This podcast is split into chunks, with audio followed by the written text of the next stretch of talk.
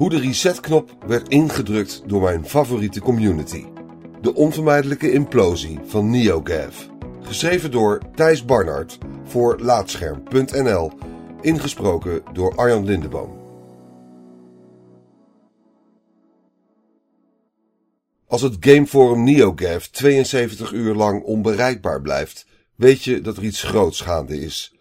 Alleen was het eind vorige maand geen nieuwe console of lang verwachte game die de website offline dwong, maar een opstand van zijn moderators en gebruikers. Zij waren het wangedrag van de eigenaar van de site zat.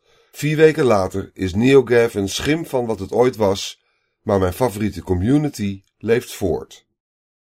NeoGAF was voor mij jarenlang een vast onderdeel van mijn ochtendroutine. Eén blik op GAF gaf je een aardig idee van wat er zich s'nachts allemaal had afgespeeld in de game-industrie. Als je maar een beetje obsessief bezig was met gamen, kwam je vroeg of laat op de site terecht. Alles dat met games te maken had, was uiteindelijk wel op GAF terug te vinden.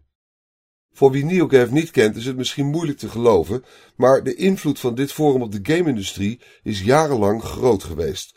Op geen andere site was er zo'n kruisbestuiving van gamers, journalisten en ontwikkelaars te vinden. Op NeoGAF kon je een opsomming maken over wat er allemaal mis was met een game, om vervolgens een reactie van een van de makers zelf te krijgen. Op GAF leken ontwikkelaars benaderbaar. Je wist dat studio's een thread over een game mee zaten te lezen, en dat maakte je kritiek meer dan alleen geschreeuw in de ruimte. Voor game-redacteuren zoals ik was het vooral ook een fantastische verzamelplaats voor allerlaatste nieuwtjes en betrouwbare gelekte informatie over de nieuwste games.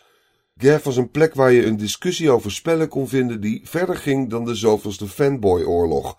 Al moet gezegd worden dat geruzie over consoles op GAF ook altijd vermakelijk was. De site werd bevolkt door gelijkgestemden, of op zijn minst mensen die met dezelfde dingen bezig waren. Als ik vast zat in een game die nog niet uit was, kon ik op GAF meestal wel iemand vinden die in hetzelfde schuitje zat en me verder kon helpen. NeoGAF was voor mij een online rots in de branding. In de zomer van 2014, toen Gamergate en al zijn giftigheid door het internet raasde, was ik verbaasd over de hoeveelheid gamers die hierin meegingen. Ontwikkelaars durfden hun mond niet open te trekken in angst om klanten te verliezen, en gamejournalisten kregen de volle laag over zich heen wanneer ze er wel iets van zeiden. Alleen op NeoGAF leek de redelijkheid het te winnen en werden haatzaaiende figuren eruit gegooid. Het zorgde voor een plek op het internet waarvan ik het gevoel had dat niet iedereen zijn verstand had verloren. Ik kon me misschien niet altijd vinden in de mening van de meerderheid, maar Gav voelde soms echt als een lichtje in de duisternis. Aan dat lichtpuntje zat ook een schaduwzijde. Iedereen die ook maar een beetje actief was op de site kende wel een paar schandalen. Vooral de verhalen over seksueel grensoverschrijdend gedrag door NeoGAF-oprichter Evilor waren hardnekkig, maar op het forum zelf een verboden onderwerp. Wist je ervan, dan steunde je hem op zijn minst indirect via reclameinkomsten uit jouw bezoek aan het forum. Een schrale troost is dat hij de laatste jaren nauwelijks meer betrokken was bij NeoGAF. Op 21 oktober kwam het lang verwachte breekpunt. Na het zoveelste verhaal van een vrouw die door Evilor lastig is gevallen, stapte het team van moderators op. Het forum werd zonder hun ingrijpen al snel onleesbaar, waarna de boel voor een paar dagen offline ging.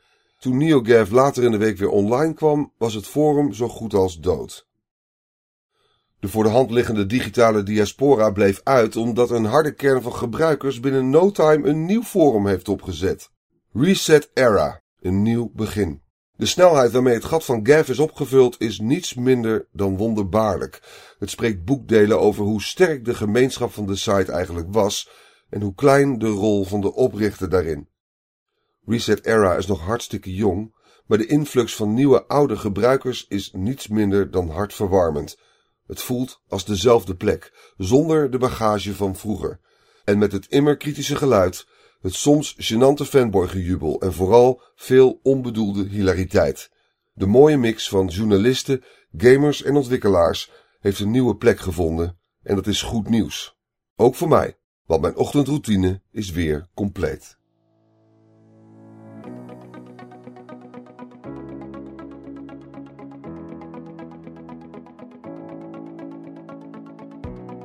Dankjewel voor het luisteren naar Laatscherm voorgelezen.